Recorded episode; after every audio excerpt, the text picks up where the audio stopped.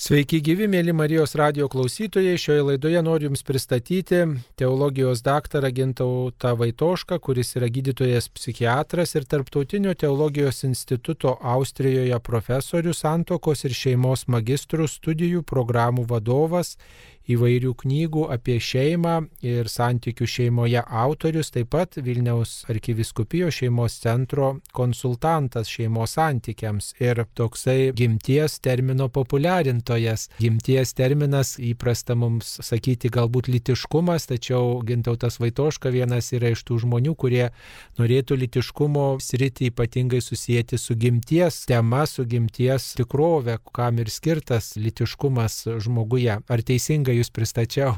Taip, ačiū labai kunigas Sauliau už tokį garbingą, iškilmingą pristatymą.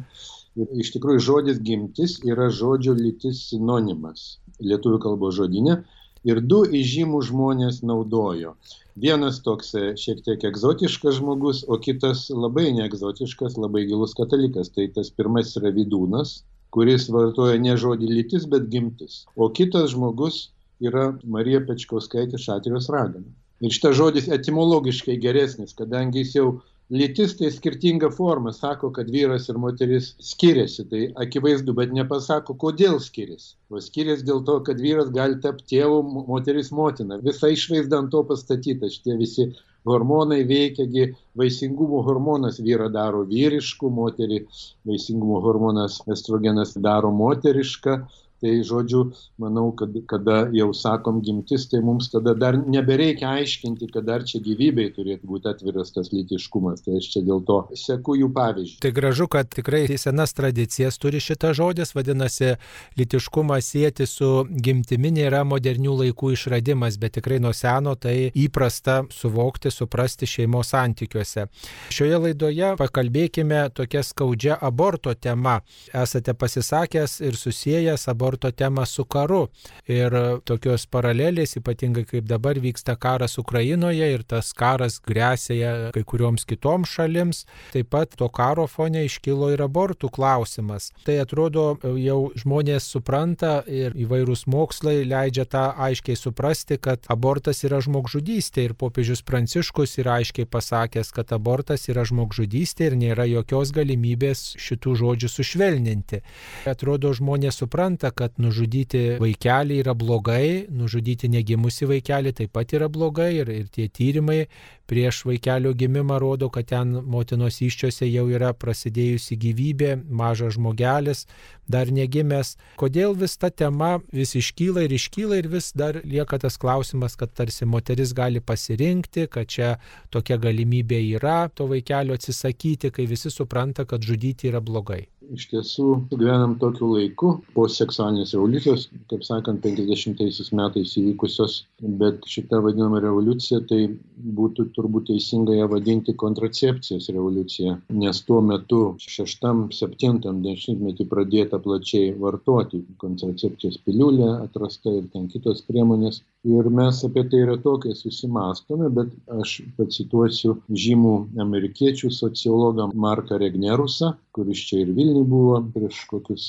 gerus nepilnus metus. Tai toks, žodžiu, amerikietiškas toks išsireiškimas, šiek tiek gal tiesmukai skambančia mums frazė, bet sako taip, seksas mūsų laikais visuomenėje yra natūraliai, žodis natūraliai kabutėse, nevaisingas. Dėja, taip yra įvykę, kad kada kalbame apie seksą, seksualumą, nu čia angliški žodžiai, šitas žodis vis tiek labiausiai primena ir labiausiai kalba apie malonumą, emocijas, išgyvenimus ir žiūrėkit ir kokiam nors mūsų žymiam tinklapį, kokiam žinių vos ne pirmam puslapį, ne, ne tik vos, bet ir pirmam puslapį aprašyta įvairiausi ten to malonumo keliai ir panašiai. Ir iš tiesų dabar kur vaisingumas, nu tai žinot, kažkur labai jau periferijoje, gal už daugelio metų ten ir vos nekaip nepageidaujamas efektas prie šitų santykių, tai tokiu laiku gyvename, kad šita gale tapo tokia, nu, vad sąmonė įsigalėjo, kad tai yra tik malonumo gale. Pagrindinai, aš manau, kad šitas labai veikia vis dėlto, nes jeigu pagrindinai tai yra taip, tai jeigu šitos priemonės nesuveikia, tai tas aborto žingsnis jau lengvesnis, kadangi tu naudodamas kontracepciją jau tu pasakai ne gyvybei Ir kaip Jonas Paulius II Evangelium Vite enciklikoje rašo gyvybės Evangelija, tai jis rašo, kad kontracepcija ir abortas yra vieno medžio vaisiai. Faktiškai jau tu eini prieš gyvybę, prieš gyvybės paslapti, tu išdistiliuoji, kaip sakant, iš šitos, šitos galios tik tai malonumą, atmeti tos galios esminę dimensiją, taigi yra generuojanti gale. Šventas Tomas rašydavo vis generatyva, gener, generuojanti galia, nerašydavo seksualinė galia apie šitą galę asmenybę aiškindamas žmogaus. Čia yra vaisingumo galia iš medicinos pusės, iš kūno sandaros pusės. Tai jeigu tu šitą galę sterilizuoji, sakysime taip, tai tada tas kitas žingsnis tampa lengvesnis savotiškas toks pratesimas šito mentaliteto kontracepcijai. Šitą mentalitetą ir ypač tą aborto teisėtumą ypatingai paskatino dabar kalbos svarstymai apie tuos atvejus, kai Ukrainos moterys buvo išprievartautos rusų karių ir po tų išprievartavimų kai kurios moterys pastojo. Ir tada turbūt net ir tie žmonės, kurie šiaip jau nepritartų abortui, tokius atvejus priima, kad galbūt tokiais atvejais reikėtų taikyti abortą, nes jau vieną kartą žmogus patyrė traumą, tai kaip jis dabar galės nešioti to prievartautojo vaikelį. Reikėtų gal apie šiuos atvejus taip pat aptarti, kad štai daugelis žmonių net ir skeptiški aborto atveju, o čia štai pritarėt, kad abortas tokiais atvejais tai tikrai jau pateisinama priemonė. Taip, tikrai čia, taip sakant, biotikoje yra tokie sunkus atvejai. Tai yra pastanga, pavyzdžiui, eutanazijai teisinti valstybėse, nu tai parodo kažkokį tikrai labai ten didelį kentėjimą ir kada žmogus faktiškai ten yra pakankamai apleistas ir negauna geros tokios medicininės globos ir ten visi artimieji pasimetę, tokia, žinot, stipri emocija, tada jau padeda gyvendinti šitą projektą, kad legalizuoti žmonių numarinimą, kas šiaip jau kelia didžiulės problemas visuomenė. Tai aborto atveju irgi tai yra tokia nu situacija, kada iš ties yra tokia tam tikra prasme tikrai tragiška situacija, moteris yra išprievartauta, tai yra baisus nusikaltimas ir štai dar jinai pastojo ir kaip dabar neužjausti jos ir panašiai. Ir vis dėlto Jonas Paulius II Bosnijos karo metu yra pasakęs, kad tai yra kūdikis, tai yra nauja gyvybė, tai yra naujas žmogus ir jo negalima nužudyti. Čia Bosnijos karo metu 90 metais tokių buvo atvejų, kada pastodavo moteris išprivartautos ten serbų kareivių. Taip sakant, šitas bažnyčios mokymas nesikeičia, kaip ir katekizmas rašo, yra žmogus, kad ir kaip bebūtų, žmogaus negali uždyti. Bet tai gali skambėti labai gal kietai, ypatingai jeigu, žinai, ne, negalvot, kas tai yra naujas tas žmogus. Bet yra tyrimai, labai yra įdomus e, tyrėjas David Reardon, amerikiečių tyrėjas, kuris yra ištyręs 198 ten moteris, kurios pastojo po išprievartavimo. Ir kai kurios iš jų patyrė abortą, dažnai jas ten spaudė abortą daryti giminės, artimieji dėja, o kitos tą kūdikį išlaikė. Tai iš tų, kurios kūdikį išlaikė, ne viena neapgailestavo, kad išlaikė kūdikį kai kurios atidavė adaptacijai. Pagimdė ir atidavė kažkam bet didesnė dalis išlaikė. Ir o tos kurios patyrė abortą dažniausiai apgailestavo ir dažnas atsiliepimas buvo toks kad tai buvo antras prievartos aktas man nes pirmas buvo aktas žiaurus prievartavimas bet čia irgi matot tai tai yra jos kūdikis kad ir labai tokiom dramatiškom aplinkybėm pradėtas tai šita gyvybės paslaptis turbūt pralenkia tą nusikaltimo baisumą to prievartavimo baisumą. Gyvybės paslaptis yra dar didesnė vertė turbūt tam tikra prasme naikina to nusikaltimo žalą čia viskas tam tikra prasme, taip sakant, bet ne viena moteris, kuri paskui padarė abortą, kaip minėjau, dažniausiai spaudžiama, tai jautė kaip antrą prievartos aktą jai ir apgailestavo praradusius kūdikį. Tai skamba labai, taip žinot, netikėtai, bet tai yra empirinis tyrimas. Tai žymus tyrėjas David Reardon yra knyga apie tai. Žodžiu, tos pasiekmės po aborto, tie išgyvenimai, jie tiesiog yra didesni negu ta trauma, kurią žmogus patirtų nešiodamas, gimdydamas ir moteris patirtų gimdydama, nešiodama prievartą pradėtą vaikelį. Galima taip turbūt tvirtinti, kad tarsi tas blogis, aborto blogis yra didesnis negu ta trauma, kurią moteris išgyvena nešiodama tokį vaikelį. Matot, iš tikrųjų, kad tai yra antra prievarta, tai tikrai abortas yra prievarta, ne, tai yra žiaurus veiksmas kūdikio nužudymas. Jeigu tai kaip sakant tų žodžių nešvelninti nu aplinkybės verčia panašiai bet tai yra kūdikio nužudymas ir tos moterys kurios išnešiojo pagimdė tai nebuvo nė vienos kuri būtų pasigailėjusi. Turbūt svarstydami žmonės apie aborto galimybę prievartą patyrusioms moteriams pamiršta kaip yra sunku gyventi po aborto moteriai ir, ir jos aplinkos netgi žmonėms. Tai tas poabortinis sindromas turbūt dažnai tik tai vadovėliuose esanti tikrovė ir tie liūdėjimai, ką žmonės išgyvena, tiesiog daugelio abortų gynėjų turbūt nei sujaudina, nei kažkaip pakeičia, kad tai tikrai yra trauma visam gyvenimui. Turbūt apie tai irgi verta kalbėti, kad moteris patyrusi abortą, ji turi traumą visam gyvenimui, kuri lengvai neišnyksta net po terapijos iš tiesų taip. Žinoma, to poabortinio skausmo sindromo egzistavimą mėginama visai neikti, visai sakyti ten ir tyrimus daryti, rodyti, kad čia moteriai tik palengvėja kažkokiuose sunkiuose aplinkybėse padarius abortą. Atidžiau tuos tyrimus pažiūrėjus matosi, kad ten, na, dažnai žiūri tik tai tokį trumpą periodą, kaip čia po to aborto buvo iš karto gal iš tiesų ten moteriai palengvėja, nes išsprendžiama problema, nu ne visom kitos ir giliai pergyvena, bet, bet yra ir, ir toks variantas. Iš tiesų yra labai daug duomenų ir istorijų ir tyrimų, kurie rodo, kad moteris pergyvena ir išgyvena giliai, kad neteko savo kūdikio ir kaltina save. Ir tai labai sunkus jausmas, jį neteko, kaip sakyti, to žmogaus, kuris ją mylėtų visą gyvenimą. Gal galima sakyti tokia egocentriškai, šiek tiek perspektyva, bet tai yra, ji tą žmogų mylėjo ir gal ir, ir, ir myli, kitas iki, žinot, ir, ir netekus jo. Ir jis ar ji, mama, tai toks žmogus, kurį žmogus myli gyvenimo pabaigos, svarbiausias žmogus. Tai ji neteko tokio žmogaus. Čia didžiulė trauma ir turbūt kad galima sakyt kad tas judėjimas už moters teises kuris dabar siaučia jungtinėse valstijose nes jungtinių valstijų aukščiausiasis teismas nori panaikinti septyniasdešim trečių metų aborto legalizuojantį sprendimą kuris faktiškai visą pasaulį labai veikia kaip amerikos kultūra mus labai veikia. Didžiulis dabar puolimas puolamos jėgos už gyvybę jų biurai žmonės, kurie ten dirba, teisėjai, kurie tokį sprendimą ruošis priimti, smurtų ir, ir panašiai. Turbūt galima galvoti, kad čia veikia toks piktis didžiulis ant tų žmonių, kurie pasisako ir, ir meldžiasi prie tų aborto klinikų, kad moteris ne, neprarastų savo kūdikio. Tai tas toks didžiulis piktis vis tiek greičiausiai yra susijęs su kalties jausmu, kad moteris po aborto vis tiek giliai sąmonėje ar pasąmonėje save kaltina.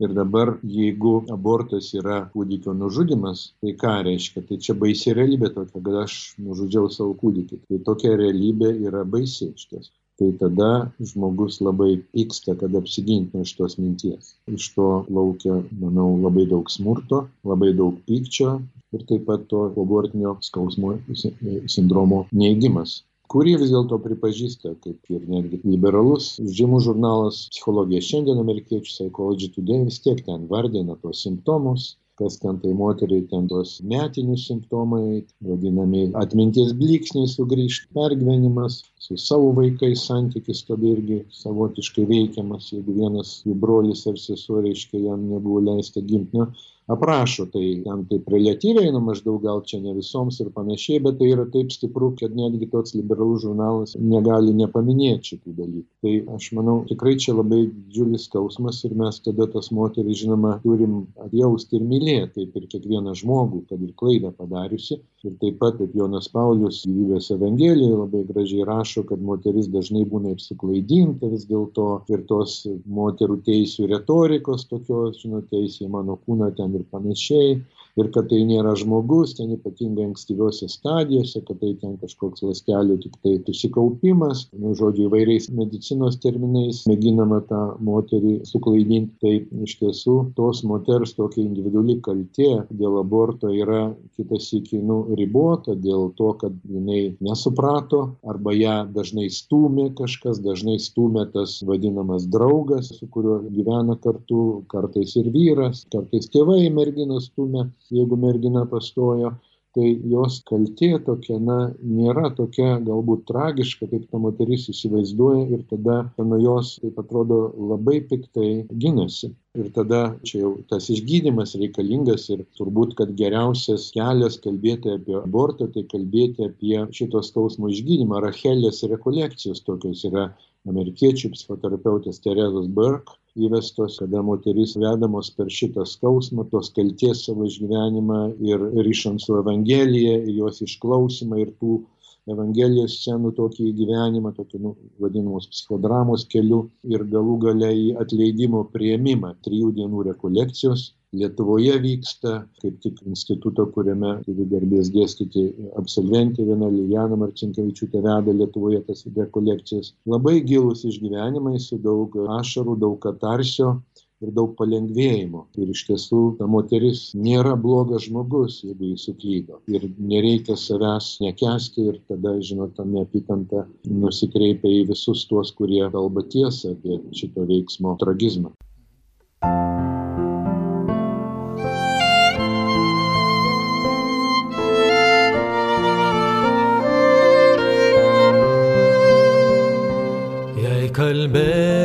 Kalbėčiau kalbomis žmonių ir angelų, bet neturėčiau meilės, jei turėčiau pranašystės dovaną, pažinčiau visas paslaptis ir mokslą, bet neturėčiau meilės,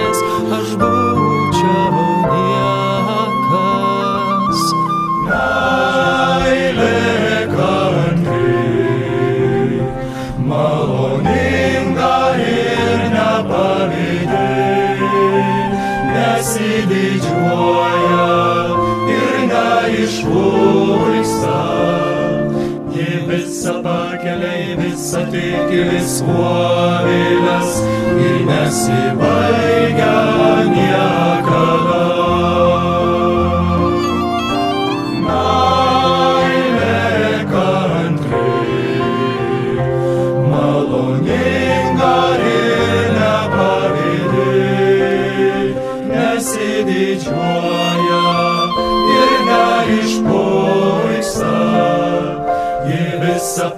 Visą tiki viskuo vėlės, jei nesibaigia niekada. Jei turėčiau visą tikėjimą, kad galėčiau net kalnus kilnoti, bet neturėčiau meilės, jei išdalinčiau vargšams visą turtą ir atiduočiau sudegint savo kūną, bet neturėčiau meilės, aš nieko nelaimėčiau.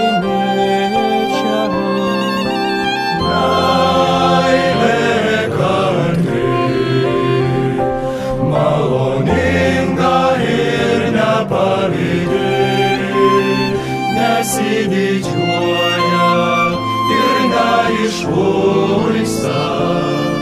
Ji visą pakelia, visą tiki viskuo vėlės, ji nesibaigia niekada.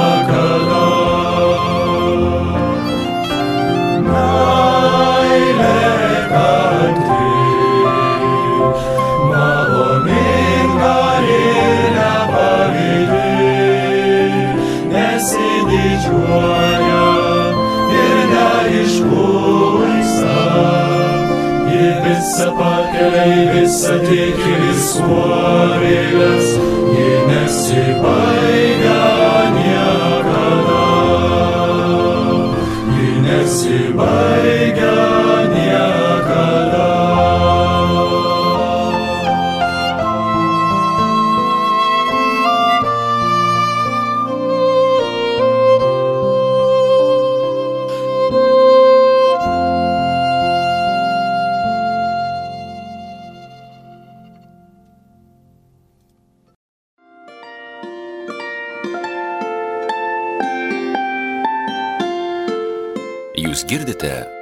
Marijos radiją.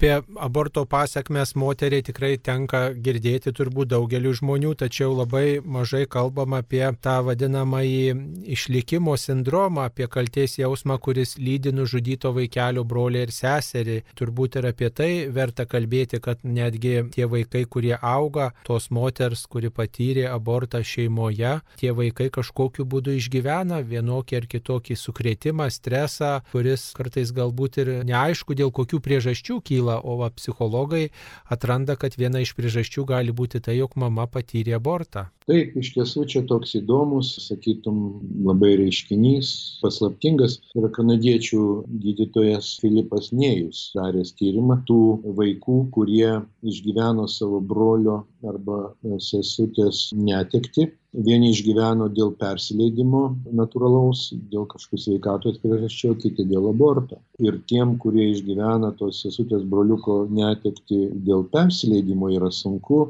tai toks gedėjimas, vis tiek lauktas brolis sesuo, bet pasiekmes vis tiek, nu kaip ir kiekvienas skausmas, galima jį išgyventi ir žmonės nekentėjo nuo tokio jausmo, kad neverta gyventi, ar aš esu kažko kaltas dėl šito įvykio. O abortą patyrusių brolių ir seserų atveju, nu, tie broliai ir seserys, kurių mama kitam broliui ir seseriai neleido gimti, tai tyrimo rezultatai rodo, kad jie dažnai jautėsi kalti kažkaip, čia jokio racionalumo tame nėra, bet, vat, reiškia, tas išgyvenusiojo kodėl čia aš išgyvenau, kodėl čia tas žmogus neišgyveno. Ir kaltė e, tokį beviltiškumą, jaus, kad gal neverta gyventi, buvo stebimas. Ir, na, čia labai gilus skausmas, toks labai įdomus reiškinys, daktaro Nėjos aprašytas, kada viena moteris jau konsultuojama, jinai vis sapnuodavo mergaitę, sapnuodavo sapną, kad tunelyje užgriuvo trys vaikai, o jinai išsigelbėjo ir tai buvo košmaras. Ir ta mergaitė paskui paaiškėjo, kad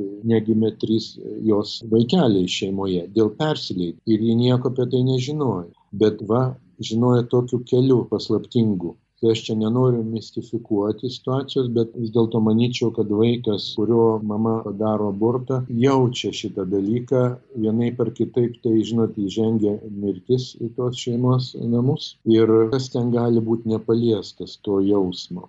Manau netgi jeigu žmonės nežino turbūt vis tiek čia nėra tai dar labai gerai tyrinėta vat kada žmonės nežino bet greičiausiai jaučia. Yra toks psichoanalizėj toks minimas sindromas mirusios motinos sindromas sindromas. Tas sindromas vadinama tokia situacija, kada mama patiria depresiją. Tarkim, susirga depresija ir tam vaikui, mažamečiam kūdikystėje, paskui dviejų, trijų metų, jis išgyvena kitą sykį, kaip tos mamos nėra, kaip mirus mama, mirusios mamos sindromas vadinama. Tai labai sunkus vaikų išgyvenimas. Dėl to, kad mama kenčia, žinot, depresija, tai yra tada žmogus jau neturi jėgų į kitą žmogų pasižiūrėti, jam labai skauda, jis tas skausmas jį panyrės tame skausme kada ta mama yra toje situacijoje po aborto, tai koks jos santykis su savo, tarkim, kitų dviejų metų vaikeliu, ne? ar tai veikia jos santykį, ar jinai kaip dar labiau jį mylės, sakyčiau, daug skausmo yra, turbūt neįvardinto skausmo šitoje situacijoje ir, ir greičiausiai galima daryti hipotezę, manyčiau, būtų labai įdomu patikrinti e, moksliniais tyrimais tokį dalyką, kaip vaiką, kuris nežino, kad tėvas ar mama padarė abortą, koks vis dėlto poveikis. Nes vis tiek yra priežasčių manyti, kad tikrai tai yra skausmingas poveikis. Na dar taip pat yra tam tikros pasiekmės ir vyrui, kuris pradėjo vaikelį, o šis buvo nužudytas, ypatingai jeigu tas vyras prisidėjo, skatino, kad tas abortas įvyktų, spaudė moterį, kažkokį darė, nu, vat, spaudimą, finansavo, vežė, pritarė, ragino arba vertė dar, dar baisiau daryti abortą. Tai turbūt vyrui, to vaikelio tėvui taip pat yra jo elgesio, jo santykiams su ta moterimi, jo tolesniai galbūt netgi profesiniai veiklai, netgi jo vertybėms kažkoks irgi pavojus tokioje situacijoje. Aišku, kad čia, matot, yra ir judėjimas, taip pat yra ir vyrams, tos rekolekcijos vyrams, kurie irgi buvo to aborto dalis. Arba jie paskatino savo žmoną ar mylimąją tam abortui, arba kita situacija, kada jie nežinojo, kada jiem nebuvo pasakyta. Yra ir tokių situacijų, kad čia reiškia vyrui nesakoma, nes čia moters teisės ir panašiai, bet jis yra iš to vaiko tėvas tai irgi yra gili trauma. O kada jis pats skatina ir stumia, tai yra kitokia trauma. Jeigu paskui žmogus susigaudo, supranta, koks blogas tai veiksmas. Ir dažnai santykiai subyra po abortų. Ypatingai, nu, su gyvenimo metu, kohabitacijoje, ten gyvena jaunas vyras, jauna moteris ir moteris pastoja ir kadangi jie dar ten, kaip sakant, nepasiruošę vestis, tai padaro abortą ir žiūrėk, dažniausiai taip ta kohabitacija ir pasibaigia. Paskui ten, kaip ten moderniai bevertintum, vis tiek gyventi su žmogum, kuris yra liudininkas, su, su kuriuo tu kartu arba kuris tave prispaudė arba tu kartu žengiai tokį žingsnį, pasidaro per daug sunku. Šitame visame kontekste, karo kontekste, štai mes prisimenam ir motinos Teresės žodžius, jūs taip pat juos cituojate, kad jeigu sutinkame, kad motina gali nužudyti vaikelį, tai kaip galime kitiems žmonėms pasakyti nežudyti vienas kito, yra pasakiusi motina Teresė. Tai turbūt štai tas pritarimas abortams yra tiesioginis toksai pritarimas bet kokiam žiaurumui, prievartai, smurtui. Ir kad žmogus, rodos taikus žmogus, o va tokiuose situacijose jisai na, labai nusiteikia žiauriai, tikrai prieš tą nekaltą vaikelį. Taip, matote, tai Rusijoje per metus atliekama arti milijono abortų Rusija pirmauja pasaulyje pagal abortų skaičių šimtui tūkstančių žmonių.